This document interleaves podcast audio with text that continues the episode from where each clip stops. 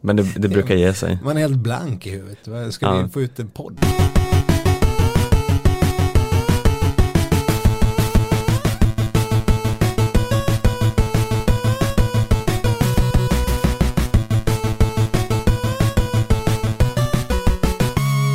Hello skidsnacks lovers! Välkomna till ännu ett avsnitt av succépodden Skidsnack. Du lät som eh, den här eh, i Seinfeld när han härmar hennes, na- Nej. hennes navel. Hello! Ja, hello! Ja. Ja. annars så säger jag alltid Uncle Leo, hello! Och ut med armarna. Ah, ja. Eh, ja, hello! Eh, the silly voice. Ja, Han måste välja mellan henne och the silly voice. Eh, ja, nu kom jag av mig lite grann. Vart var Ja. vi någonstans? ja, du skulle presentera oss, vilka är vi? Ja, det här är jag Stenqvist och mitt emot mig, mitt emot mig för en gångs skull, Mm. har jag sköld. Ja, nu är det tillbaka på det normala. Ja, du ser lite tärd ut efter ledigheterna. Tycker? Var det, var det tuffa eh, storhelger? Eh, nej, det skulle jag väl inte påstå. Nej. Jag känner mig ganska pigg, jag vet inte vad det här är för påhopp. Nej, jag ville bara skapa lite, lite, lite tension. Ja, okej. Ja, ja, du lyckades Att du ska vara på hugget, på tå direkt. Ja, Ja, eh, ja, nej men då får man vakta sin, eh, vad ska man vakta? tungan, Tungan. Ja. vanligtvis. Mm. Men det tycker jag inte du ska göra, det vore tråkigt. ja. Eh, jag ska vara på min vakt helt enkelt. Vi har ju tvärtom fått kritik för att vi sitter och vaktar tungan här i tid och otid. Ja, nej men det, det får vi råda bot på i sådana fall. Ja. Kan inte hålla på och vakta tunga. Nej. Eh, Hur är läget med dig? eh, jo men det är fint. Efter det här verbala påhoppet. Ja, jag, i poddandets stund har jag ganska nyss kollat på ett skidskyttelopp. Jag hade nästan glömt bort skidskyttet för de har ju lite så paus Mm. över nyår. Eller de har det här plojloppet kring nyår när de åker i någon arena och det är fyrverkerier och allt vad det är. Mm. Som inte betyder något. Och det såg jag inte. Så Nej. det känns som att skidskyttet hade lagt ner. Men så var det eh, plötsligt en liten sprint här och det var det tråkigaste loppet jag sett i hela mitt liv. Ja, det behöver vi inte prata mer om alls. Nej, eh, det enda vi kan nämna är att Mona Brorsson är en briljant intervjuperson. För att hon bara tar över och babblar i typ fem minuter och berättar allt så det finns inga följdfrågor. Nej. Det är liksom, eh, såhär, om man är reporter så, är det såhär, man behöver liksom inte jobba med henne. Det är bara att Sträcka fram sträcka micken. fram micken och så sen kör hon. Det är lite kul. Briljant. Mm. Det är därför en av många anledningar att älska Mona Brorsson. Mm. Men eh, herregud, det har ju hänt ganska mycket sen, jag, jag försöker komma på när det var vi poddade sist, men det var väl typ så här mitt i Tour någon gång. Vilket känns som att det var en evighet sen. Ja det är ju en vecka sedan typ. Så, Det är bara en vecka sen. Men Ja. tiden flyger iväg. Det var ju, men tiden går ganska långsamt när det Visst, inte eh, är några skidlopp. man kan ju dra den klassikern att det var förra året. Ja, fast det var det inte. Var det inte? Det var det väl inte, eller? Nej, nu blir jag... Nej, nej, det var inte förra året. Det var efter nyår. ja, ja. Mm. Okej då. Får man inte ens dra den pappaskämtet längre. Nej, nej. Du får också vara på din vakt här. Ja, det ska jag vara. Mm. Eh, nej, men eh, hur som helst. Jag tycker vi dyker rakt in i det mest omvälvande som ändå har hänt på länge. Och det är ju då Stina Nilssons eh, chockskada. Ja, eller chockskada, chockskada. Vi, vi har ju liksom lite grann ändå varnat, flaggat, eh, funderat om det här. ja det, är, det är ju den här revbensskadan som vi pratade om såklart. eh, Som eh, gjorde att hon hoppade av touren, vilket vi tog upp i förra podden. Men nu har det visat sig att det är värre än eh, vad man har trott och hon kommer bli borta i minst sex veckor. Men eh, hon tänker väl att hon ska komma tillbaka senare i säsongen. Men om sex veckor är det inte så mycket kvar av säsongen. Nej. Ska vi säga. Det är, för den är ju inte så lång när man tänker efter. Nej, men sex veckor är vi ju typ i slutet av februari någonstans där åtminstone. Mm. Så att då, då är det verkligen inte mycket kvar. Då hon kan väl vara med på någon liten avslutande tour eller sånt i så fall. Men det är inte så mycket mer lopp att, att hugga på. Eh, men hon uttalar sig i intervju. Hon har gjort intervjuer med både Sportbladet och TT och alla möjliga om att eh, ja, men, vad hon har lärt sig av det här verkar vara ungefär som att kommer alltid töja gränser, ibland går det för långt. Och att liksom, ja, så här blir det ibland. Och det blir så för att jag töjer gränser. Och självreflektionen verkar inte vara eh, briljant.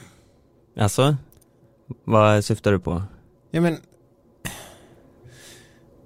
Ja men okej. så här va, vi, vi hade en kompis en gång som eh, satt sönder ett Playstation tror jag att det var. Kommer du ihåg det? Han, han satt och spelade Playstation, satt, hade det på, det var så här, play, stående variant. Sen satte han upp fötterna på det och hade Playstationet som någon form av eh, benkudde. Mm. Alltså som, som en liten pall som man har framför fåtöljen. Ja. Eh, och så lyckades han välta det Playstation så att det gick sönder. Och eh, då fick han ju bita i äpplet och lämna in det här till, för jag tror, jag för mig det var ganska nytt och fint och fräscht. Så, så. så han lämnade in det och, och, spelade väl lite dum eh, om, om vad det var som hade hänt. Inte, att, han- inte att han hade suttit, eh, våldat sönder det med, med sin slappa eh, ställning, utan Stefan, vad, vad, i efterhand så har vi ett ganska känt begrepp inom vår bekantskapskrets om vad, vad har du lärt dig av det här då? Eh, ja, absolut inget. Ja, vad är det man brukar säga? Vad, är- vad man brukar säga? Mm. När vi refererar till den här historien. Ja, vad har du lärt dig av det här? Ja. Ja, Man kan få ett nytt var vad han ja, ja man kan få ett nytt. man ja, kan ja. få ett nytt. Så han hade ju abs- absolut lärt sig ingenting. ja, Det, det var, sensmoralen i den historien var att uh, vår kompis hade inte lärt sig någonting. nej, han fick ett nytt. Han fick ett nytt. Mm, Det är lite samma känsla jag får av Stina Nilsson här. mm, Eh, vad har du lärt dig av det här då? Nej, att ibland så händer det när man testar gränser. mm. Man får ett nytt revben. Man får ett nytt revben Ja. om man vilar. Kanske inte ett helt nytt, men Nej, man ett, kanske ett tänker fräscht i alla fall. Jag tycker, vad jag är inne på är att jag, den här ensam med stark satsningen, jag, eh, jag är ju liksom lite tveksamt inställd till, till det. Hon, hon är ju sin egen tränare, det, har vi, det vet vi om och det har ju visat sig vara framgångsrecept tidigare. Hon, hon gjorde ju ett, en enastående insats när hon krigade sig tillbaka till VM och blev någon form av liksom VM-drottning mitt i allt Mm, eh, körde hem ett stafettguld till Sverige och allt sånt. All, allt det där vet vi. Men det känns ju lite grann som det finns i farozonen att hon kanske inte är kompis med sina begränsningar på rätt sätt. mm, Och jag tycker att jag kan i intervjuerna jag har sett liksom ändå ana en bristande självinsikt. mm, Det känns inte som att den riktigt finns där. Alltså det här, det reflekterande finns inte riktigt där utan det är mer så att ja men det är så här jag gör då kan det hända. mm, Så att det är mer som att det här är en naturlig konsekvens av hur hon arbetar och att få en stressfaktur är ju det, det är inte en naturlig konsekvens av hur någon arbetar rätt. Då har någon gjort någonting fel. mm. Och jag tror, det känns inte, jag får inte intryck av att den insikten har riktigt sjunkit in. Och då, eh, då finns det en problematik där som man nog måste komma utifrån för att kunna handskas med i det här fallet. Det är så jag ser på det i alla fall. Vad säger du? Mm, jo, men det, det ligger ju säkert något i det du säger. Eh, Det känns ju inte riktigt som att eh, Alltså man, man måste ju kanske gå lite till eh, botten med ett eh, problem och eh, eh, Ja men eh, in, inte se det riktigt som en naturlig konsekvens om det är något som en påverkar så stora delar av en säsong nej men precis. Jag menar stressfakturen tycker jag mer man kan se som en, ett symptom av en sjukdomsbild som inte är, där inse, sjukdomsinsikten inte finns där. Mm. Ja, nej men jag, jag eh, är beredd att hålla med. Alltså det är, man, jag tycker man har sett lite, bara överlag i intervjuer också, att eh,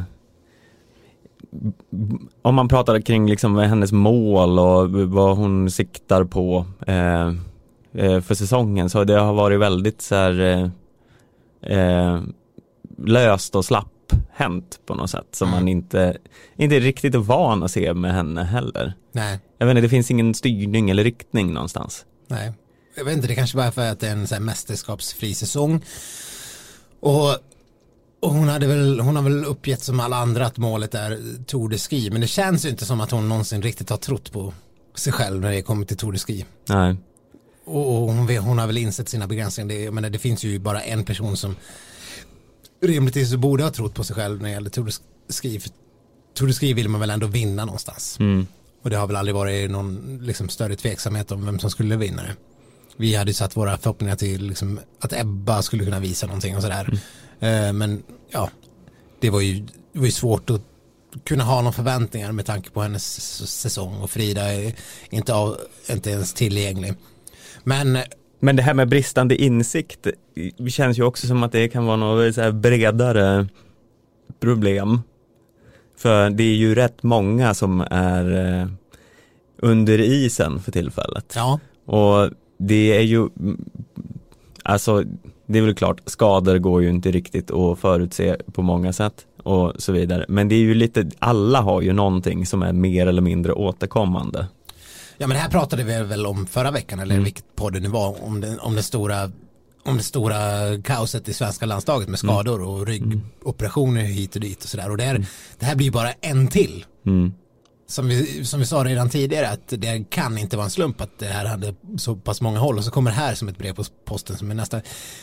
Det, det skapar ju stora frågetecken kring hur eh, hur eh, hur åkarnas kroppar sköts om och uh, moni, moni, moni, moni, vad heter det? Mon, monitoreras. mon, nej så kan man inte säga. moniteras? Mon, monotireras. Mon, mono, mo, monotorera, mon, ja skitsamma. Ah, Skit i det. Det var ett för svårt ord ja, vi, vi, är, vi är inte kapabla att uttala sådana knepiga ord. Nej. Nej, men det, är- hur, det, hur de har koll på skidåkarna i svenska landslaget egentligen. Så det är ju ett stort frågetecken till hela landslagets sjukvårdsorganisation. Mm. Eh, ja, Hur verkligen. bra är det? Hur ses det över? Frida Karlsson är ju bara är ju det stora utropstecknet som sticker ut över vad det är som har blivit misslyckat. Mm. Och nu kommer Stina Nilsson. Och jag förstår att de inte kan ha lika bättre koll på henne när hon inte är med på alla läger och inte på alla samlingar på samma sätt. Mm. Eftersom hon kör sitt eget race. Men nej, det känns inte som att allt står rätt till. Nej, och sen visst om de testar gränser och så vidare, det är klart att eh, det är väl lätt att hamna i en sån fälla. Men eh, jag tycker inte ändå att det här har varit, det, Monitorera. säger man? Ja, det tyckte jag var rätt från början. Ja, det kanske var det, men det lät jävligt fel.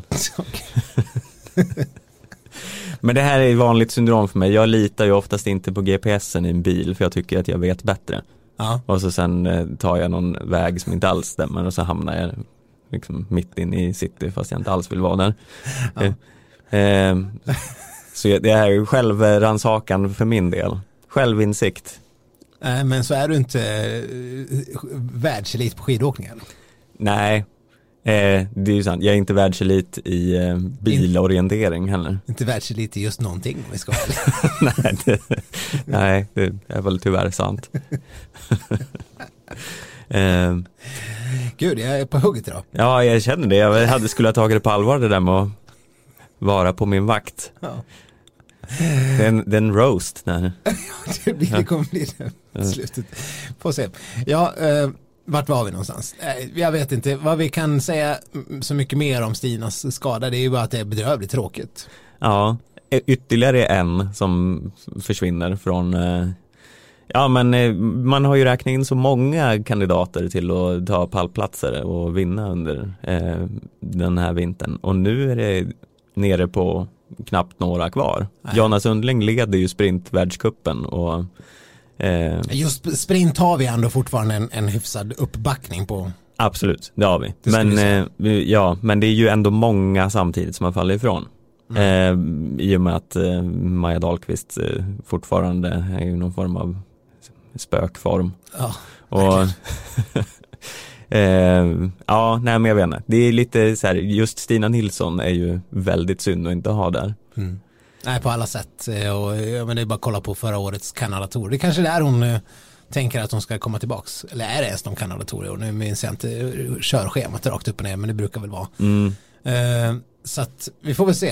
Eh, hon brukar ju vara bra på att komma tillbaks som sagt, men vi får väl ändå kasta in något skynda långsamt önskan. Ja, vi får göra det. Ja, apropå kasta in handduken. Mm. Är det populärt? Eh, populär grej att göra. Ja. Populär aktivitet i svenska Speciellt landslaget. för kvinnliga skidåkare i landslaget. Mm. Och manliga. Ja, alla möjliga. Nej men nu, Och skidåkare överhuvudtaget, men främst svenskar. ja. Ja men det, det var, nu får vi ändå ge Ebba som vi pratar om att hon gjorde ju en oväntad succé-comeback. Som vi redan, hon gjorde ju den här, det Stina gjorde till VM förra året, men kanske inte liksom med, inte med samma pompa och ståt riktigt. Nej, men det var ju så här, det var ju så otroligt eh, härligt med den här Tour de Skin att eh, Ebba kom in och eh, var så pass bra och var så nära Johaug och sen hade man ju hoppats att hon kanske ha, skulle kunna åtminstone ligga jämnt med henne i sprinterna vilket hon inte gjorde så det var ju lite synd.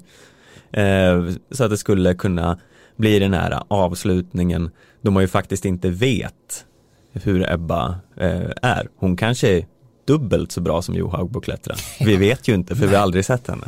Det är, ju, det är ju inte omöjligt även om det är osannolikt. Verkligen. Nej, det är inte omöjligt. Uh, Ebba är ju liksom också en, en åkare som man tror ska vara bra på att klättra. Mm. Eh, hon lär ju rimligtvis vara bra. Hur bra fick vi ju inte veta i år heller. Nej, hon kastade in handduken på grund av förkylning. Mm. Och inte den här eh, knäskadan som hon hade ådragit sig tidigare. Mm. Eh, så det, känns, det är ju åtminstone något att ta med sig. Mm. En förkylning blir man ju av med. En förkylning blir man av med. Eh, men det är ju något som inte står rätt till. För det, vi har ingen definitiv statistik på det här. Vi har ingen statistik överhuvudtaget. Vi har bara en magkänsla och intuition. Det kommer man långt med. Ja, det gör man faktiskt. Och den säger att svenska landslaget är överlägset i topp i statistiken vad gäller oftast förkylda. Det, alltså, alla är ju förkylda hela tiden. Ja. Hur många åkte klart Tour de Ski? Ja, typ inga. Nej. Eh, Ebba förkyld, Moa Lundgren förkyld. Har för mig att Emma Ribom blev förkyld också. Mm. Eh, hälften av alla herrarna hoppar väl av också. Det minns inte varför. Grate kanske inte var med. Jag minns inte. Men Axel Ekström blev förkyld. Låt inte fakta komma i, komma i vägen för din slutpoäng. Nej, men många blev förkylda och ja. det är ju någon borta varenda helg. Kalle ja. Halvarsson ser man ju en av tio helger för att han är så jävla förkyld. Eh, hur mycket förkyld var inte Johan Olsson? Eh, hade... Han var född förkyld. Han var född förkyld. Eh, Kalle Halvarsson är ju en jävligt förkyld person. Ja, ja, han är den mest förkylda människan på jorden tror jag. ja. Eh, ja, men det är ju som, någon får någon liten känning hela tiden. Burman brukar också vara rätt förkyld. Oskar Svensson är förkyld. Mitt i nysning. Ja. Charlotte Kalla är inte förkyld så ofta. Nej, hon är kanske inte så förkyld. Nej, fast hon är förkyld hon också, ibland. Ja, skitsamma. Menar att hon ger ett förkylt intryck? Nej, men hon, jo men hon brukar ju vara borta ibland. Ja, inte, inte så mycket förkyld, men, Nej, men, men menar, någon måste ju kliva ur den här förkylningsbubblan. Eh, ja. Så du menar att det här, den här fåniga reklamfilmen som eh, Svenska Spel gör, där de springer runt i de här plastbubblorna, har du sett den? Du kan inte ha missat den. Eh, nu känner jag mig faktiskt lite frågande här. Vilken är det här? Vi, vi, vi, vi lyssnar på den lite grann. Har ni hört om skidlandslagets försäsong? Nej. Okej, så här.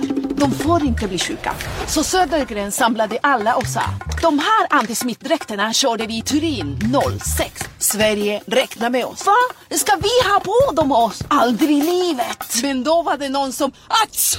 De fick panik!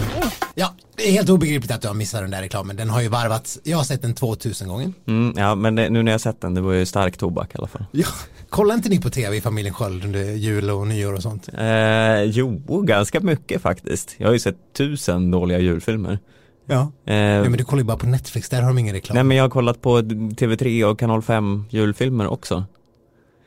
Eh, så ja, nej men den gick inte just då. Nej, Ah, ja, i alla fall, där, de har ju till och med gjort en reklam om, om landslagets förkylning och ändå har de ingen kontroll på det. Det är helt men, men för, och jag vill bara flika in att hela upplägget, den som har gjort den här reklamen, fy, det är en stöld från filmen Ant-Man. På det ettan och tvåan så har de exakt samma koncept när en karaktär pratar väldigt snabbt och, gör, och bryter på spanska dessutom för han är en mexikansk karaktär. Eh, som hon gjorde i reklamen. Mm. Eh, pratar väldigt snabbt och sen klipper de in andra skådespelare som säger precis vad han sa. Och det här är inte en slump. Det upplägget var exakt likadant. Fy, fy. Okej. Okej, men eh, jag undrar om det, är någon, om det är någon mer lyssnare ute som har sett och märkt detta. Eller är det kanske bara jag som har liksom Ant-Man och eh, skidsnacks, eller skidintresset parallellt. Ja, det är kanske bara du som har sett den här reklamen för att den är riktad till dig. någon anledning. Den borde ju vara riktad till mig också i sådana fall det. kan man tycka. Men skitsamma. Men hur som helst, förkylning och svenska landslaget, ja. Eh, vi, ska, vi ska väl ändå försöka ge landslaget en hjälp på, traven. Ja, för det, det verkar ju inte funka. Det, vad de än gör nu så funkar det inte. Det alltså antingen har de för dålig, så här, de vädrar för mycket så att det kommer in för kall luft. Eller så går de ut och så här, har bastutävling och ska ha tävling i snöänglar hela nätterna. Ja. Eh, något gör de ju fel. Duschar och inte torkar håret ordentligt när de lägger sig. Ja, Det är en klassiker. ja, det finns ju många sådana. Det är många sådana saker som, som föräldrar sa när man var liten att nej, du blir förkyld. ja, Ta, ta på dig en jacka, du blir förkyld. mm. Blev man verkligen förkyld om man gick ut utan jacka? ja är det någon som har fact-checkat det här? jag tror att det är en myt. Men jag vet inte, det känns som att det är 50-50 vad folk eh, säger om det där. Jag tror ju, ja, mm, Och sitta i drag, det är också en sådär, antingen blir man förkyld eller så får, man nackspärr. Ja. Finns det vetenskap på det här eller är det bara nys? Är det som att man dog om man kollar på MTV för länge? Var det en myt? Eh, ja, det antar jag är en myt. Jo, fick jag höra det, i alla Det fall. låter väldigt mytiskt men jag har aldrig hört det. Ja, kanske inte dog, men man blev blind av att kolla på för mycket MTV. Ja, det, jag, jag har inte hört, det måste vara någon Söderhamns, det är kanske en liksom geografiskt snäv myt. ja. Det, det nådde inte Dalarna. ja, nej, men ni hade väl inte MTV i Dalarna? Oh, där kom den också nu. Ni, ladies and gentlemen, eh, Stefan Sköld steppar upp i det här, den podden som ska gå till historien som någon form av battle. Mm. Ja, Roast.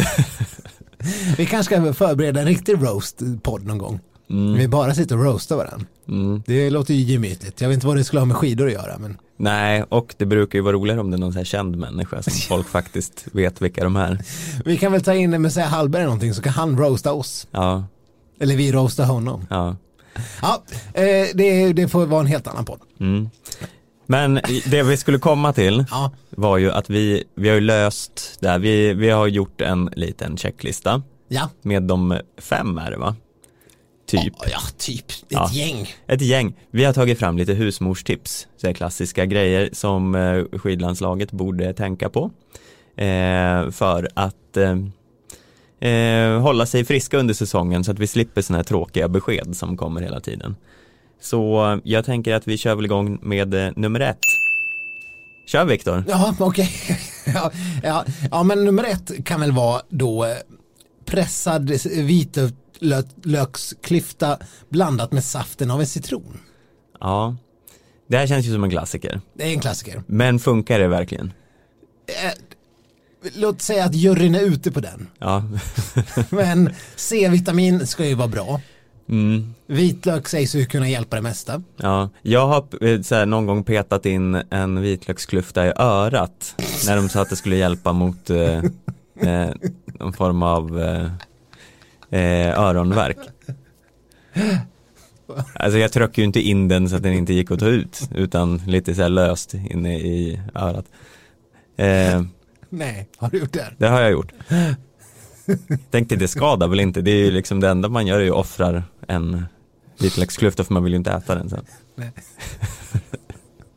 Det skulle väl gå om man sköljde den Ja. rätt mycket men Det här var det roligaste jag hört. Har du, det, är, det här är på allvar alltså. ja, Fy fan vad sjukt. sjukt. Det är inte som att jag äter dagmask eller någonting.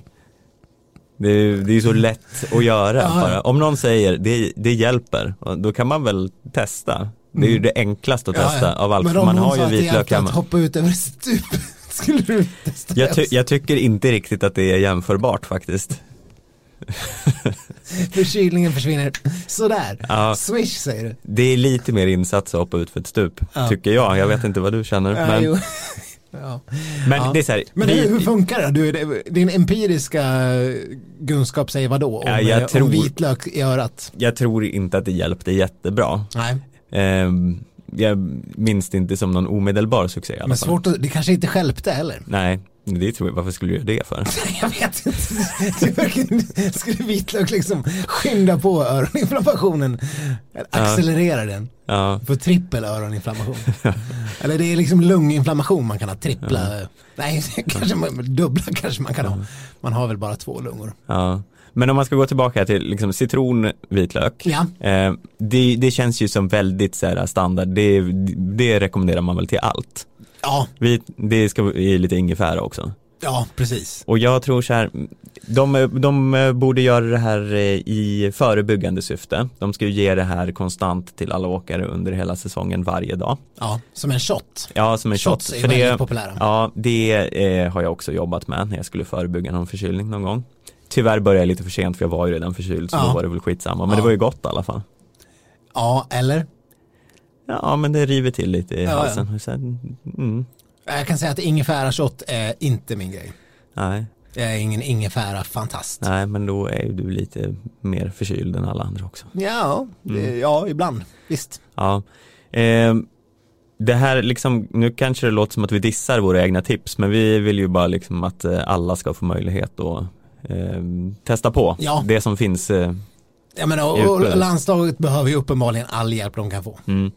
eh, ska vi eh, hasta vidare till eh, nästa tips som du har på din lista här? Ja, whisky.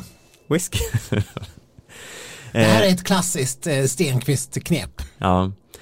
Men jag har hört att whisky är bara så här, det lindrar, eh, det lindrar en förkylning.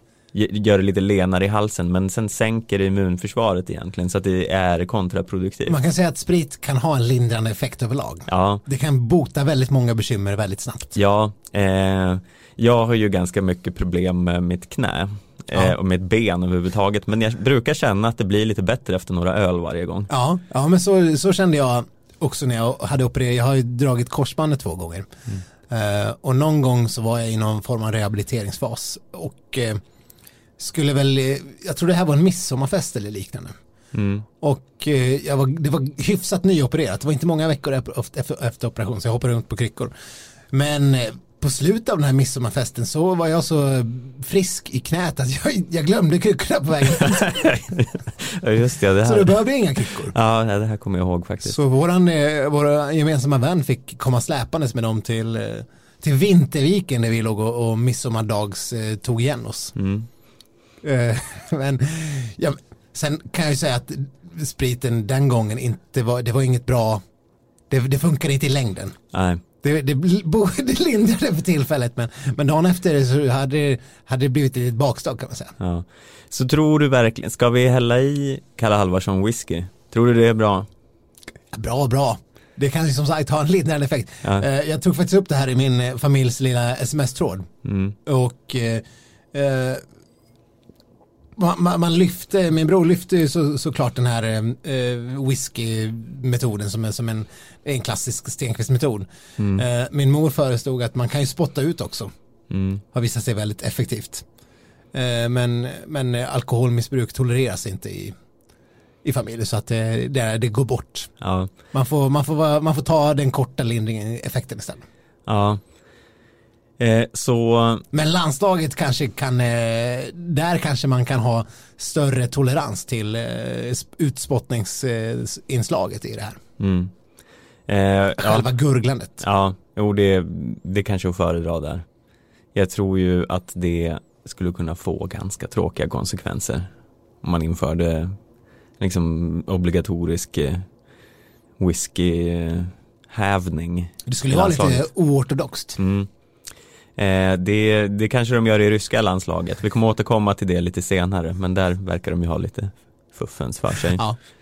Eh, men hur som helst, eh, vi går väl vidare till tips nummer tre här. Och eh, det är så mycket som Listerin. Ja.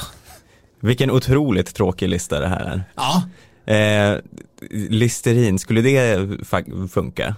Jag vet faktiskt inte. Det här var också ett tips. Jag tog Ja. in tips. Ja, Och eh, då, det var det min svägerska som föreslog Listerin. Jag Ja. antar att, eh, att effekten är ungefär samma som whisky. ja. Inte kanske riktigt lika illa. Nej, Eller dåligt för en. jag tror Listerin. inte ens man blir sugen på att svälja. Nej. Ehm, ja, nej men det är väl bra, men det borde de ju. Tar de inte redan det? Tror du inte Charlotte Kalla tar Listerin varje kväll? Det beror på, är det Colgate som gör Listerin? Eh, Eller Oral B? ja, Oral B har väl ingen tandkräm överhuvudtaget eller Jo. sånt? Gör de? Ja, det, är, det säger de i reklamen. Kom ihåg att vi också gör tandkräm också. Jaha. Eller så är det någon annan. Gör inte du något annat än att titta på reklam? Vad ska jag säga? Jag är en slav, eh, reklamslav. Okej. jag älskar reklam. Mm. Eh, nej, men jag tror Oral B gör reklam. Jag vet inte vilka som gör Listerin. Det kanske är något annat sånt. Ja. Ehm, ja. Nej men vad fan, varför inte? Ja, men det, det är klart de inte använder Listerin. Vem använder Listerin? Men det gör väl jättemånga? Gör de? Ja, jag tycker man ser Listerinflaskor i eh, Kreti och Pletis hem. Alltså, det är väl den vanligaste synen efter margarin. Det känns, det, det känns som något, det är när det har varit någon sån här mord i någon så här utslaget område någonstans och man ser någon så ska- man se bilder från badrummet eller något och- då står en trasig gammal tandborste som ser ut som dina tandborstar brukar se ut, du vet eh, stråna pekar mer horisontellt än, än vertikalt. Ja, fick man den också. Som, som, som man känner att de har i, i liksom knarkarkvartar. Ja. Jag har en aggressiv tandborstföring. Ja, och sen vägrar Det du byta tandborste också. Ja, men jag har inte haft ett hål i hela mitt liv, så Nej, det är ju nej. uppenbarligen fungerande. Jo, jo, men du behöver inte ha kvar din från mellanstadiet bara för det. Det- ju, här, I mitt hem, där byts det i och för sig lite onödigt ofta. Jag, jag tror det är liksom en, så här, en gång i månaden typ. Oj, ja nej det är ju inte hållbart för Nej. miljön känner jag. Nej, precis, det ska jag framföra som argument. Alltså, Ja. Det handlas nya tandborstar, men nej, det är en, en strykande åtgång. Mm. Eh, men i alla fall, utöver den här eh, totalt sönderborstade tandborsten i det här knarkarkvartsbadrummet så står det en halv eh, tom flaska Listerin. Mm. Ser man. Ja, det har du nog I rätt i typen, faktiskt. alltså Ja, ett nedgånget badrum, där finns det en flaska Listerin. ja, Oklart varför, men så är det bara. ja. Eh, ja, jag vet inte riktigt om det, vi ska bry oss om det för den här listan. Jag tycker man kan få använda den ändå. Ja, det får- behöver inte vara dåligt bara Nej. för att eh, knark. Testa. Testa. Ja, testa. Eh, ja, ja, men vi kör vidare på tips nummer fyra. Det här är ju något som Johan Olsson skulle ha behövt ägna sig åt mer under sin karriär. Fast han gjorde väl det ganska mycket. Ja, mot slutet så gjorde, han tog ju liksom sina, sina månaders långa eh, celibatturer upp till eh, Bruksvallarna typ. Ja, I en sån här liten enslig stuga någonstans Mm. där han eh, inkvarterade sig inför mästerskap. Undvik snoriga barn. ja, Det här är mer en förebyggande åtgärd, men det är väl en förebyggande åtgärd man vill vara ute efter lite grann. mm, absolut. Det är väl eh, högst rimligt. Eh, Johan Olsson börjar lite för sent. Eh, Han är praktexemplet när det gäller just det här. Björn Ferry var ju ganska duktig på det här. Han lämnade ju sin familj och bodde i någon annan stuga Perfekt. någonstans. Ja. Lämna, lämna barn och familj. ja. Eh, Eller ännu bättre, skaffa inga barn. Ja, men det som det faller lite på är att det här kan ju inte vara en anledning till att det går åt helvete för det har vi några föräldrar i landslaget. Det är typ Theodor Pettersson. Ja, och eh, han är ju knappt med. Nu, eller ja, nu är han ju varit med på Ja. slutet i och för sig. Nej, det är ju han. Det var ju, jag messade ju dig där under Tour de Ski-avslutningen för jag får väl lägga mig platt och säga att jag såg inte det här på tv för jag hade bokat in en annan sak. Eh, Jag var på bio med mina syskonbarn. Eh, Prioriteringar. Ja, det är prioriteringar. Mm. Och då satt jag på en galleria i- Solna. Eh, nu låter det som är public service. Galleria i Solna. En stor galleria i Solna. Och sen åt jag på en pastarestaurangskedja. som är kända. En tysk pastarestaurangskedja. Ja. Och då var jag helt hundra procent säker Varför på åt att, du på den för? jag att det var ett jättebra erbjudande. Man fick två barnrätter inkluderade i en vuxenrätt. Ja, okej. Ja. Och de ge- barn gillar sånt. Mm. Alltså Vapiano. Mm. Nu Vi- sa du det vid namn. Aj fan också, Ja. vi får klippa beef, vi får lägga in ett beef där. Beep. Ja. Ja men i alla fall, då såg jag ju en person som satt och såg ut som en karbonkopia av Carl-Johan Westberg. Mm. Och jag är nästan helt, fortfarande till denna dag, helt säker på att det var han. Ja, Med två små döttrar. ja jag var ju tvungen att eh, försöka syna den här, Ja. eh, in, det här inbillandet som Ja, det höll på det med. finns vissa logiska luckor i, i, det här, i den här synen. Ja, dels att eh, Carl-Johan Westberg var nere i Alperna. Ja, han åkte ju faktiskt sista etappen. Det, Ja. där, där är ju liksom clue number one på att jag kanske kan ha misstagit mig. Ja. Eh, han har, så vitt jag känner till, inte två döttrar heller. Nej, det, är- det är också ett problem. Ja. Eh, behöver du mer? Nej, inte egentligen. Jag, vet- jag vet inte vad jag var på väg. Det var, vi pratade om landslagets barn. Ja, vi, vi kan väl ändå liksom sätta in en, en liten brasklapp på Carl-Johan Westbergs eventuella barn. Ja, men eh, jag eh, skulle ändå vilja säga till 99,9% säkerhet att han inte har eh, två döttrar Ja. på typ eh, fem år. Okej, ja, Mm. vi får, ja, jag kan ge dig halvt rätt. Ja. eh, så, men det är väl klart att det är ett jättebra tips, men det är Jo, ju men jag tycker ändå att man ser vissa så här lägger ut eh, när de sitter och håller i sina Ja det, syskonbarns ja, det är sant. Det är ganska bebisar. mycket syskonbarn och sånt. Ja. Kompisars barn. Fasters lilla älskling, Ja, hela den biten. ja, alltså håll er borta från fasters lilla älskling. Ja. Eh, det är bara att leka med döden. Ja. Anna Haag får ni inte. I och för sig, Alltså spädbarn är ju ganska, det är, förskolebarn är ju den värsta smittan. Ja. Mm. Eh, Fly dem bara. ja. Det då ska ni använda, det det använd vitlök och kasta på dem. Mm. Eh, som vampyrer. ja, stoppa i öronen om ni behöver. ja. Eh, men eh, Harry Haag är lugn, eh, så gulla hur mycket ni vill med honom. Harry Haag, han är lugn. Han är lugn. Cool fact a crocodile can't stick out its tongue. Also, you can get health insurance for a month or just under a year in some states. United Healthcare short term insurance plans, underwritten by Golden Rule Insurance Company, offer flexible, budget friendly coverage for you. Learn more at uh1.com. Eh, ja, har det blivit dags för sista tipset här då? Ja, det är kanske optimala tipset. Ja, vi kör tips nummer fem. Eh, och då har vi tänkt att det, allt vi har sagt hittills har ju varit lite konventionellt. Eh, får man väl ändå säga. Totalt vetenskapligt förankrat. Ja, så vi har på vägen hit köpt in en liten påse med blandade kristaller. För vi har förstått att kristallhealing är ett otroligt bra sätt att, i förkylningstider. Så vi har här en påse med lite blandade ädelstenar kan man väl kalla det. Är det ädelstenar? Ja, ädelstenar, men eh, mineraler. I kulörta färger. Mm. Eh, och det, de har, eh, ska ha väldigt bra helande förmågor mot eh, eh, förkylning. Vill du läsa eller ska jag? Eh, ja, vi kan väl först gå igenom lite vad vi har här. Jag vet inte vad vi ska liksom eh, Gå igenom. Ja, men för det finns ju väldigt många olika typer av kristaller. Ja. Men en som verkar vara typ lite falukorv och makaroner inom kristallvärlden är ju ametister. Mm. Det, är, det är ju en klassiker. Ja, de, Även en programledare i P3 va? mm, eh, Eller?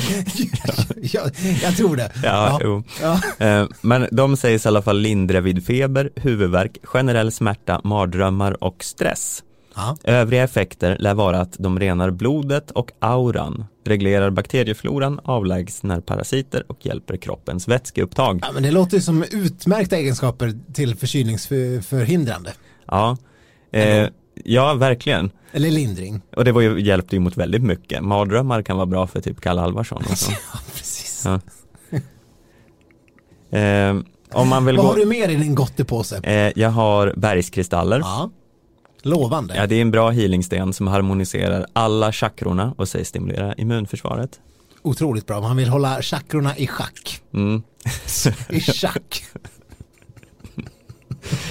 Eh, här, här har vi en riktigt bra. Eh, blå bandagat. Oj. Den, det är också en klassiker. Ja. Ja. Eh, den sägs aktivera och läka halschakrat som ju påverkar vid förkylning, eh, som vi alla vet. ja, det hörs ju på Ja. namnet. Ja. Det heter ju till och med hals. Mm. Eh, de lär även hjälpa till att lindra vid infektioner, inflammationer och feber. Ja. Mm. Eh, låter som Ipren. Ja, ja det, Kanske är, lite samma effekt. det är eh, kristallernas svar på Ipren. Bl- vad heter den? Eh, den hette eh, Blå bandagat. Ja. Blå bandagat, kristallernas Ipren. Eh, ja, nej men vi har ganska mycket här i våran påse. Ja. Eh, men vi kanske inte behöver gå igenom allt. Eh, kyanit, en annan bra. Ja, Den har läckert blå sten. också en blå sten. Ja, det är mycket blått. Mm. Eh, sägs motverka feber, läka infektioner samt stärka halsen och sköldkörteln. Den ska även vara en naturlig smärtstillare. Du, jag tycker ändå att du, hoppar över en viktig sten i sammanhanget. Jaha, Loliten. loliten. Lär ska ha bakteriedödande egenskaper och sägs kunna hjälpa vid problem med bihålor och andningsorgan samt milda migrän och motverka feber. Ja, Det här är ju liksom förkylningens 101. ja, Lägg en lolit på pannan mellan ögonbrynen och upplev dess verkan. ja. Ja, men eh, det, det är fantastiskt. Det här är alltså det är liksom eh, botemedlet mot allt vi har här. ja. Men hur Och- gör man då? Jag, jag vet inte, nu är det så här, man ska väl förmodligen ta det här själv. Eh, eller liksom använda sten. Men vi tänkte så här, vi kan ju försöka. Ska att, man eh, stoppa dem i öronen stenarna eller? Ja det kan man, jo det kan man. Man kan En antingen, gammal sköldmetod. jag tror man antingen kan lägga dem på de onda delarna på kroppen. Eller Ja. så kan man blanda ett elixir av dem. Oj, Att man typ kokar vatten och lägger i dem. det, det gillar man ju, elixir. Det låter väldigt eh, liksom så här asterixiskt. Ja. Eh, och man kan så här eh, lägga dem i en liten påse under kudden när man sover, ha dem i fickan eller som smycken eller lite, man kan göra lite hur som helst. Mm. Eh, men så här, vi har tänkt att eftersom vi inte riktigt har eh, möjligheter att eh, åka ut och göra det här på åkarna så ska vi ändå liksom härifrån studion försöka skicka iväg lite bra eh, signaler. Ja, och hoppas att de kan ha lite liksom eh, telepativa krafter på något vis. Mm. För enligt bruksanvisningen på de här stenarna så ska man programmera dem. Oj. Eh, Det, det låter väldigt digitalt. mm. Hur Eh, gör man då? Eh, ja, för att stenarna ska veta vad man vill att de ska hjälpa till med för tillfället så brukar man då programmera dem. Eh, man sätter det som en intention för dem.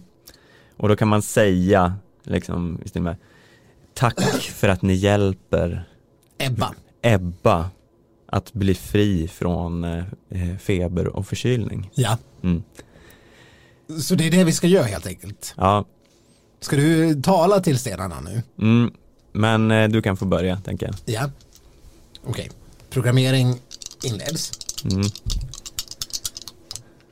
Vad, får, vad får hon för sten? Ja men vi får väl, jag, jag, jag fastnade ju för den här Loliten. Ja, okej.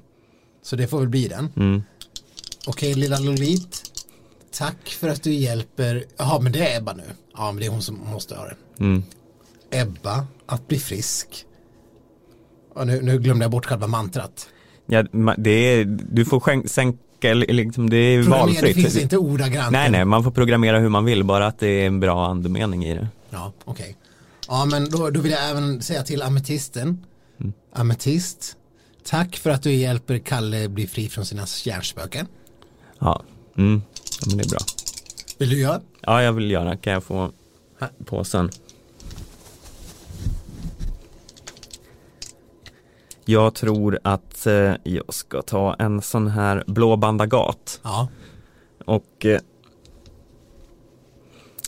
eh, eh, då säger vi tack snälla blå bandagat för att du lenar och eh, harmoniserar Moa Lundgrens eh, onda hals. Mm. Ja, men vad fint. Mm. Eh, så nu, nu har vi gjort något i alla fall. Ja, men vi har gjort vårat. Mm. Eh, det här, om ni vill testa det själva hemma Mm. så kan ni googla kristallhealing i förkylningstider. Ja, Så kommer ni in på denna sida, det som vi har hämtat mycket inspiration ifrån. mm. när det gäller det, just detta. Eh, där kan man också läsa att man, om man inte har en påse så kan man lägga stenarna direkt på kroppen, Mm. i fickan eller i bhn, ja. Ja, men, som smycken ja. och annat. Mm. Eh, så att herregud, eh, det är väl bara att skaffa era egna stenar och eh, sätt igång. Mm, kör i vind. Ja, men då har vi fått oss, eh, eller vi har fått oss, eh, alla där ute har fått sig en liten lektion i förkylningskurer. Ja. Eh, hoppas det hjälper.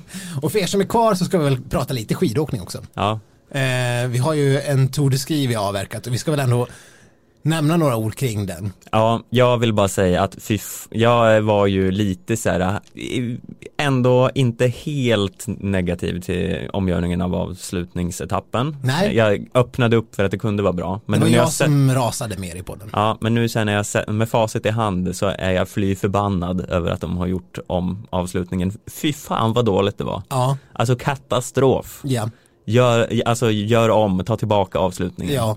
Jag har ju faktiskt kollat på dessa två etapper i efterhand. Mm. Eh, och ja, jag får väl säga att, att historien har gett mig rätt. Ja. Nej, det, det fanns ju ingen poäng med det. Ja visst, man ser vem som är snabbast på etappen, men sen hade man ju ingen aning om hur det hade gått Nej. i mål. Även om man fattar ju vem som vann, för det sa ju kommentatorerna. Ja, Men i övrigt, så här, man, det kan ju vara lite intressant att veta hur det slutade där under, men det fick man ju googla sen. För Ja, det visste sen- ju inte de heller. och sen liksom de eventuella kamperna som var liksom upp och ner mellan den och den. Mm. Det förstod man ju ungefär ingenting av. Man kunde ju hålla koll på Ostjugov, Bulchunov och eh, Kläbo på här sidan och förstå ungefär hur det gick. Mm. Ja. Att om Ostjugov ska kunna vinna så måste han gå ifrån Bulchunov. Mm. Det fattar man. I övrigt förstod man absolut ingenting Nej. om eh, slutställningen. Nej, så det där var ju bara fullständig katastrof.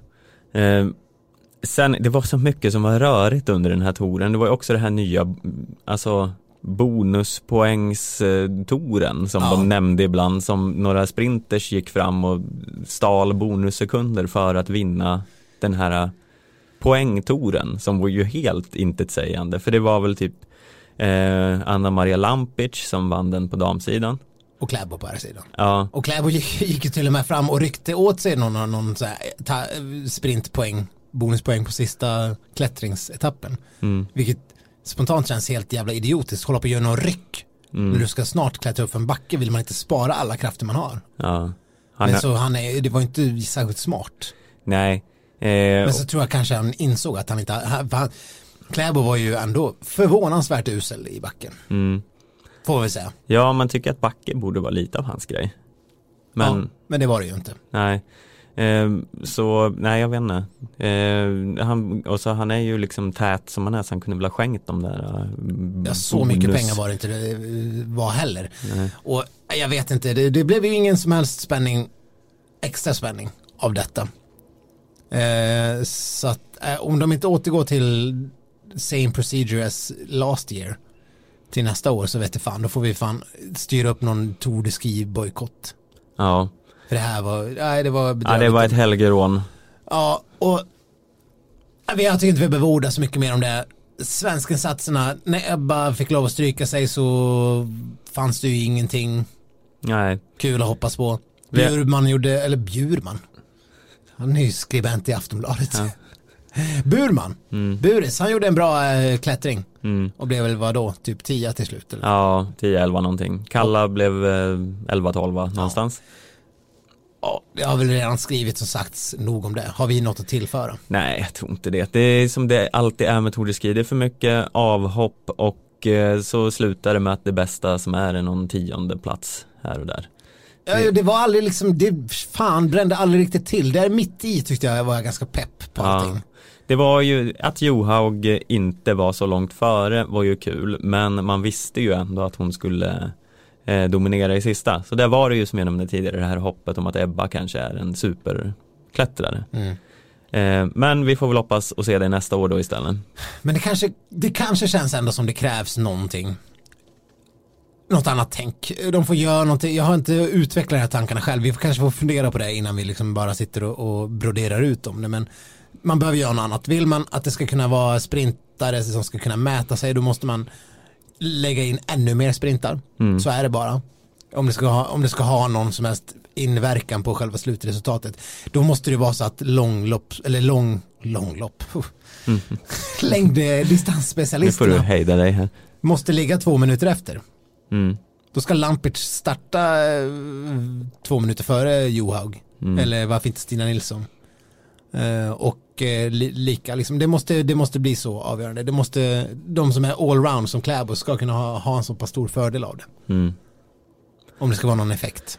Ja, äh, vi får väl utarbeta en eh, plan till eh, nästa säsong så får vi se om, om de lyssnar på oss. Och sen, sen saknar man ju den här, ändå trots allt den här långa, vad var det, typ tre mils eh, Marcialonga banans loppet. Ja, lite, Den- den lite variation skulle ju inte skada. Den var ju alltid, trevlig att kolla på. Det var, det var väl en lång jaktstart tror jag det var. Mm. Eh, men eh, nej, Tour de Ski måste fucking rycka upp sig. Ja. Eh, vi eh, blickar vidare till nästa helg istället för vi har ju faktiskt lite, vi har ju, det händer skidor fortfarande. Ja. Det känns som att det inte gör det eftersom eh, man har varit van vid att se skidor varje dag. Men nu ska vi tillbaka till Dresden där det är sprinthelg och där, det har vi goda minnen från eh, förra året. Ja, men hur sugna är vi på Dresden? Eh, Är du sugen på Dresden? nej men jag, jag tycker det är lite B med sprinthelg. Ja, alltså det är, ju, det är lite tråkigt när det bara är sprint. Eh, för, Vi får ju se en till sprintstafett i alla fall. ja men hur kul är det? Ja, men det gick ju bra sist. Det gick bra, men det är ju fortfarande det tråkigaste under hela världscupen. Ja, det har vi varit inne på för, förut. Den här sprintstafetten är ju som tävling väldigt, väldigt märklig. Mm, För det är ju inte en sprintstafett. Det är ju två sprintåkare som åker tre sprintlopp i rad. mm, Vilket på eh, damsidan åtminstone är ungefär som ett lopp till Mm. slut. Jag menar ett stafett, en stafettsträcka är fem kilometer. mm, En sprintstafett blir ju ofta mer mm. än fem kilometer. Ja, Det är ju galet. Mm. Ja, vi, vi har ju gått mer, ni, ni får lyssna tillbaka till vilket avsnitt det nu är vi pratar om det här, eh, när vi revolutionerar hela sprintstafett-upplägget. Men, Precis. men, Och varför inte slänga in en jävla mixed någonting? Nu när vi har chansen och ska ha någon jävla sprinthelg. mm, Gör någonting. ja, men det är, det är ju och det Skaka här, om. Ja, och det här har vi ju sagt tillräckligt många gånger, men det är ju ingen poäng att ha en gren där det bara är ett par, tre eh, stopp per säsong. Nej. Det, det blir ju liksom bara löjligt. Och jag menar det är inte som att vi kan vinna, eller ja, vi, det, det kanske vi kan, jag har inte ens orkat kolla upp det, men finns det en sprintstafettcup? Säkert, men Men det är ju olika åkare som åker i lagen hela tiden. ja just det, det är sant. Eh, men det är ju som med stafettcup, det är ju ingen, den vanliga stafettcupen är det ju inte någon ens eh, mening med. För det är ju, vadå en kupp på tre lopp? Två. Två? Ja, det är ju ingen kupp. Nej, det är ingen cup. Nej, så jag vet inte, det gör ju det hela. Nu är ju vanlig stafett roligt för att det är ett roligt moment, Mm. men som kupp är det ju totalt värdelöst. Men jag vet inte, det är, vi har, ju- det är ju kul att se Linn Svan igen såklart. Ja. Hon har varit hemma och vilat lite. Eh, och, Hon har till och med blivit en meme. Ja, En skitslags meme. ja. Eh, Våra taffliga försöker göra memes. ja. Ja. Och sen, vi har, Jonna Sundling leder ju sprintkuppen. Så det blir kul att se hur hon ska förvalta det. Och så, som vanligt hoppas man ju att Maja Dahlqvist ska hitta tillbaka till formen. Ja, men det är ju lite, lite spännande för att hon har ju ibla- ibland nu även i Tour de Ski sett bra ut men hon lyckas klanta till det för sig. Mm. Otroligt. Ja, nej det är ju, Någon form av Kalle Halvarsson syndrom. ja, nej, det, så nu hoppas vi att det vänder. Och, nej, men i övrigt, Kläbo ska ju inte vara med. Kalle är inte med. Nej, det, jag tror det, det kommer kännas lite fadd den här helgen. Jag känner mig inte superpeppad. Nej, Ehm, det, det, nej, det är, nej, man kan väl li- lite grann ha den eller mista, men vi får se. Det kan ju bli en, en blir det en sprakande Linn Svan dubbel igen så är det ju alltid kul. mm. eh, och det var ju en trippel förra året så jag vet inte, ska det vara kvadruppel nu då? Ja, får hoppas på det. Ja, nu mina damer och herrar ska vi prata om det här. Hit til Rådås har vi samlet de største og beste vinterheltene fra Sverige og Norge til tidenes fight. Ja, nu äntligen har ju då eh, landskampen, eller Sverige mot Norge som den heter på TV4, dragit igång. Heter det Sverige mot Norge? Ja. Eh, det borde du veta, för nu lanserar vi våran, vad ska man kalla det här för? Eh, lyssnarcirkel. tittarcirkel. Tittarcirkel. Där, Men- vi, där vi diskuterar eh, program, veckans program. Ja. Det hade ju då premiär eh, torsdag kväll. Och eh, vi har sett första avsnittet. För er som inte alls vet vad vi snackar om så är ju det här eh, ett norskt tv-program som är en karbonkopia av Mästarnas Mästare fast det är fyra stycken eh, personer från Sverige, fyra stycken från Norge inom skidvärlden, vi får säga det. I svenska laget är det då Kalle Halvarsson, Sebastian Samuelsson, eh, Charlotte Kalla och Hanna Öberg. Mm, en ganska fin eh, Ja, eh, en härlig kvartett. Ja, Norge är inte mycket sämre. De har Therese Johaug, Petter Northug, Emil Iversen och Tiril Eckhoff. Mm. Ja, det är lite konstigt, varför är Petter Northug med? Han är ju inte, Nej men det är ju för att eh, han är eh, en publikdragare. ja men varför är inte typ Hellner med om det ska vara rättvist? Eh, ja, men sen blir det väl ändå inte så orättvist med tanke på att de har Johaug. Ja. Eh, så, vad fan. Nej. Men heter det Sverige mot Norge? Ja, Det, alltså jag har ju, jag har ju, jag kan väl, jag har kollat på TV2, mm, den norska eh, tv-kanalen som sänder här. I, alltså, TV2 och Norge, det är ju någon form av samproduktion, men jag tror det känns ju som att TV2 har gjort allting. mm, TV4 har bara kastat in en bunt pengar för att få sända det, ungefär. ja, TV, det här har ju för övrigt sänts i TV2 i höstas redan. Så att det är ju ganska mycket old news egentligen. Det var Mm. ju, det har vi, varit- jag tror, jag vet inte om vi har pratat om det, skandalen att TV4 sänder det här. ja det har vi. Men nu behandlar vi det här som att det är eh, nytt och fräscht. Ja. Bara för att eh, eh, skapa lite stämning. Yes. Så ni är nu alla lyssnare inbjudna till våran eh, eh, studiecirkel. Ja. Vi ska väl inte fastna i det här för de stackarna som inte har sett det här programmet. Vi får väl ta och lyfta guldkornen. Ja, absolut. Vad men, bjuder du på? Ja, men eh, kan väl bara säga allmänt att jag vet, det, det kändes när de, för de anlände ju då till det här huset Mm. eh, där de ska bo i Mästarnas Mästare-style. Rhodos. Eh, ja, det var Rhodos. Ja, det, vi har väl gjort en podd som heter Kolosserna på Rhodos. ja, ja eh, just det, det var när vi trodde att de skulle på eh, Johaug suparresa. och Kalla var iväg på någon form av gemensam semester. Vi undrar vad fan är det som pågår? Varför åker de på semester ihop? Mm. Men det var ju då alltså det här och det är nu vi ska lyssna på hur det lät när svenskarna sitter och har lite poolhäng. Det är viktigt med en bra start här nu och visa på en gång att vi är att räkna med. Men vi har ödmjukheten med oss Ja, i alla fall. Vi går på knock direkt. Ja, det, alltså det låter ju sådär avslappnat. Det är lite krystat. Mm. Är det liksom för att det står ett kamerateam där bredvid och liksom säger prata, säg något, hur känns det? Och så blir det det här liksom forcerade eh, snacket. Ja, jo men lite så är det väl. Mm. Men för alla som har kollat på Mästarnas Mästare, det är ju lite det upplägget, det är exakt samma upplägg. Mm. Om ni inte har sett det här, och, men ni vet hur Mästarnas Mästare fungerar så är det, det är samma sak. Mm. Eh, Och det är samma tävlingar också. De är lite på land, på någon strand och sen är de lite i vattnet. ja. Hämtar upp säckar ur vatten. Det, det är väl exakt det de har gjort i Mästarnas Mästare. ja, men ungefär så. Nu har jag bara sett första avsnittet, men än så länge är det väldigt likt. Ja, Eh, och eh, ja, det var, jag tycker ändå det, det härligaste med det här första avsnittet var ju just det här ankomsten till huset. Ja. För det, det var liksom så, det, det är ju ändå inga liksom mediehöjdare de har att jobba med här. De är ju lite svårstartade. Så jag kan verkligen se framför mig hur de bara liksom gått runt där och bara, ja ah, men säg vad känner du, vad tycker du om rummet liksom, hur, någon hur är det liksom? Så som vill ha bra Ja, där bara. Och så sen då kommer Kalle Halvarsson och eh, Sebastian Samuelsson in i sitt rum och ser den här eh, fantastiska poolen som eh, eh, de har utgång till från rummet. Eh, och då, eh, ja men det de får ur är detta. Här ska vi bada varje dag. Ja. Ja. någon form av mys. Mm. Här ska vi bada varje dag. här ska vi bada varje, alltså, ja, jo. Här ska vi bada varje dag. Alltså inget fel i det, det är väl klart att man ska bada där varje dag. Ja. Men det, det lät liksom så onaturligt. Ja.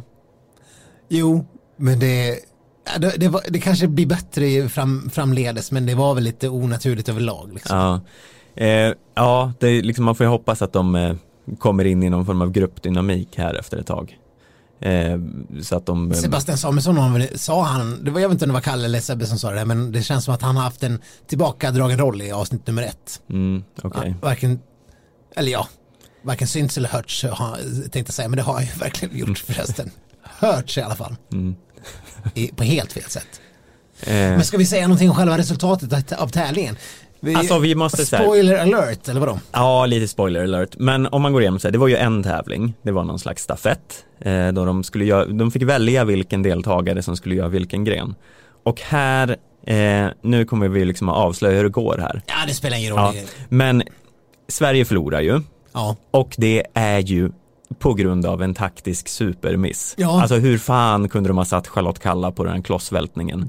Ja, det Det, det är ju så jävla dåligt för det är väl klart att man ska ha någon tung person som välter kloss på en strand. Ja, Så hon ska alltså tävla mot Petter Northug i att välta en 100 kilo tung kub. ja, inte bara en gång. Det var ju liksom, de skulle ju frakta den här kuben 100 meter fram och sen runt någon jävla flagga och sen 100 meter. Okej, inte 100 men 20. Nej. Ni fattar vad jag menar. Alltså en, jätt, en kub som är en trälåda som är två meter i, i diameter. Mm. Ja, det är klart, fan Petter Northug är dubbelt så snabb på det. Han, är ju, han har ju dubbelt så mycket muskler Ja. och är Eh, dubbelt så stor.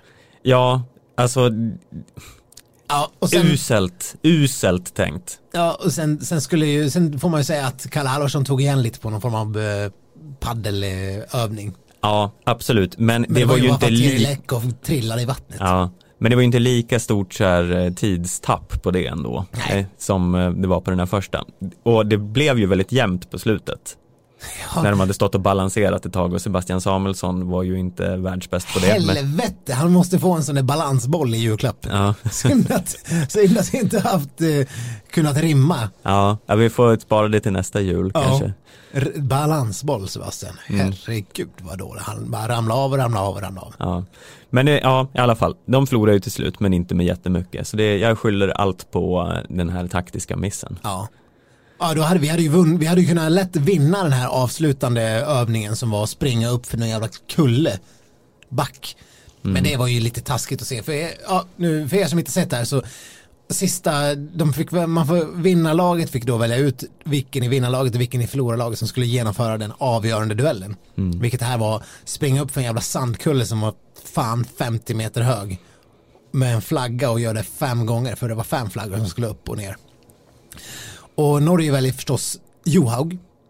Det, var, det visste jag alla att de skulle göra. Allt annat hade varit helt sensationellt. Men sen väljer de Kalla ska möta henne. Mm. Fan vad taskigt. Var det inte det? Eh, Eller är det Jo. produktionen som har tvingat dem till det här? eh, nej, alltså jag tror att de valde det på helt eget bevåg. Ja. Eh, det är ju taskigt mot vem som helst som ska möta Johaug och springa upp för en sandslänt. Men sen är det ju lite så här, fan det är inte konstigt att Kalla är kass i år nu. Hon är ju extremt mycket långsammare än Johaug. Mm. Det är, ju, det är ju sensationellt vad mycket sämre hon var. Mm. Men jag tror i och för sig inte att det, hade spelat någon roll vem de hade valt här. Nej. Alla hade ju förlorat mot Johaug här. Ja, rimligtvis. Mm. Eh, Kalle hade ju förlorat mot henne också. Ja, men hade det inte varit bra tv om de hade valt Kalle då? Eh, jo, absolut. Eh, det, jo, det hade ju varit underhållande. Här var det ju lite av ett, det blev ju lite som ett hån mot Charlotte Kalla Ja, nästan. jag menar det. Ja. Taskigt. Ja. Kalle hade ju varit kul. ja. Men även så här, för det jag tycker det, om man bara ska sammanfatta hela avsnittet så var det lite av en deppig stämning över att liksom så här, ja, lilla Sverige, vi, ja, vi, vi är inte så bra. Söte bror. Ja, det är så här, vi försöker, ja, ja, vi, ja, vi har ju inte vunnit så många gånger, ja men ja, det är ju viktigt att kämpa mot Norge. Det var liksom ett lite så här, Jag var lite Sverige-bashing. ja, det kändes så. Eh, och jag tror ju att eh, även om de försöker ha någon slags skojig stämning här så vill ju alltså norrmännen sopa dit Sverige och djävulskt. Ja. Ja, men det kändes, Kalle kände sig i och för sig laddad som fan hela tiden. Han ville verkligen sopa dit Norge. Ja. Men hela programmet gick ju sen, alla tillbakablickar på karriären och sånt, det gick ju till 90% ut på hur, hur Kalle har varit dålig och vilka dåliga val han har gjort och hur dålig han har åkt. Ja, Vilken smickrande tv för Kalle Halvarsson. nej det var liksom duellen Northug Halvarsson och ja, Northug vann allt. Eh, Kalle fick mm, berätta om kändes det? hur, hur, hur han blev knäckt av Northug. Mm. Eh, ja, det var väldigt mycket kring det. Inget var ju speciellt nytt kring det, man har hört det rätt mycket förut. Ja, visst. Men det är ändå, jag känner även om eh, det finns vissa eh, saker eh, som eh, kan förbättras här. Så det var ett eh, härligt första avsnitt. Jag ser ändå fram emot vad, vad som komma skall. Ja, och det, det var ju, det avslutades ju med en härlig förnedring också. Ja, eh, vinnarlaget får ju hitta på. Jag vet inte hur mycket de hittar på, hur det mycket där produktionen är har ju bestämt. extremt regisserat. Ja, eh, för jag tror inte att de har någon uppfinningsförmåga, de här skidåkarna. Jag tror inte de skulle kunna komma på ett straff. Jag tror riktigt. inte att Emil Iversen, han är väl ingen lysande skådespelare heller, så när han berättade vad straffet skulle bli, att de tyckte att Mm. det, det var lite genomskinligt. Mm.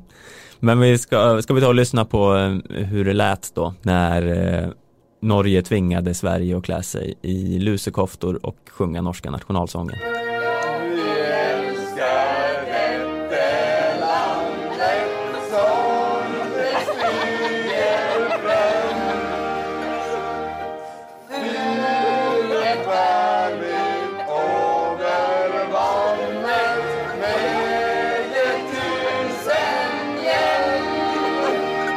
Ja, det var en liten snutt från detta.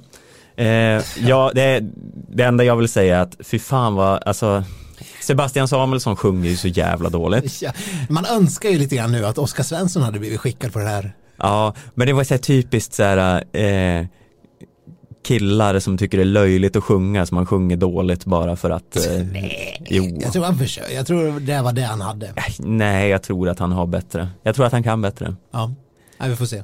Apropå Oskar Svensson, vi har ju hört hans, eh, hans skönsång när det var Theodor Petterssons bröllop och han sjöng den här Kent-dängan Mm. Eh, med en riktig sångröst. Ja, ja, det är ju mm, var ju otroligt. Nu tror jag inte vi lyckas skrapa fram den igen här, men vi, vi lyssnar tillbaka på gamla avsnitt så kan Så är få det lyssna den. på detta. Ja, men vi får väl återuppta eh, landska Sverige mot no Ja. Man baxnar, alltså de på TV4 som kommer på namn på program borde ju, borde ju få en, se en avhyvling. Ja, Vet du eh, vad landskampen är så jävla revol- revolutionerande? nej, men det är ju något i alla fall. Ja. Eh, uselt namn, Ja. eh, för att såga lite till. Ja. Eh, men eh, välkomna tillbaka till eh, studiecirkeln om Sverige mot Norge nästa vecka. Kul. Vi ska väl knyta ihop den här podden lite snabbt. Ja, det blev som vanligt en, en, en, en, om om väl, välvande höll jag på att säga. Det är Alltid en berg och dalbana att sitta och podda med dig Stefan. Mm. Men vi känner att även om det blir långt, vi kan inte riktigt lämna er utan att eh, redovisa detta telegram från typ text-tv. Ja.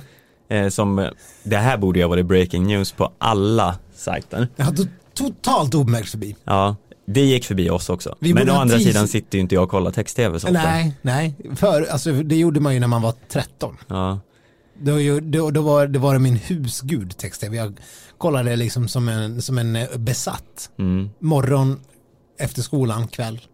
Ja så, så, så går det när man inte har MTV. Ja. Ja, Men det var ingen som eh, signalerade om faran med text-tv. Du kan dö. Ja, nej det är sant. Men i alla fall, jag ska läsa detta telegram, Ja. det är inte så långt. Nej. Eh, I alla fall. Alexander Bolsjunov fyller 23 år idag och blev trea på 15 kilometer i Toblach. Efter loppet bjöd den ryske stjärnan in sin norske rival Johannes Hösflot Kläbo på födelsedagsfirande på Rysslands hotell. På menyn fanns bland annat hembränd rysk vodka. Ja. eh, ja, vi måste gå till botten med vad vi Och det här är tror om liksom det här. end of story. Ja, ja, det är vad vi vet. Det här är 100% av informationen vi har in. Mm. Tror du att han gick på festen? Nej, Tror du att det var en fest? kanske. Tror du att det fanns hembränt på den? Ja. Tror du? Ja. Det tror jag. väl. Vadå, Välbe var väl där? Ja, i och för sig, men det känns liksom lite grovt att sitta och dricka hembränt mitt under Tour de Ski. Hon hade dunken i ena handen, ciggen i andra handen, sen körde hon på. Ja. Det är det man ser framför sig. ja, men tror du Bolsjunov drack? Jag skulle inte bli det minsta förvånad om eh, samtliga ryssar tog, eh, tog en, ett, ett, ett modigt dricksglas med hembränt vodka. Ja, alltså, Det känns inte som att det skulle vara något problem i nej. Ryssland. Nu, alltså det, Inklusive deras gravida flickvänner. ja. nu, nu var det verkligen inte igår jag eh, eh, hade den stora eh, äran tänkte jag säga och dricka ett redigt glas hembränt. Men eh, det, det har ju gjorts, Det har gjorts. genom eh, i historien. Ja.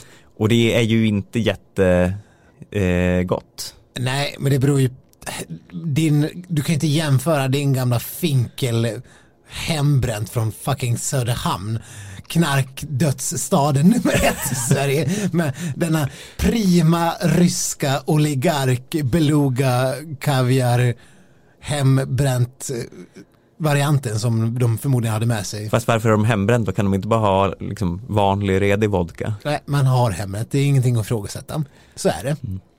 Eh, och det är liksom prime, prime, top shelf hembränt. Okej. ja.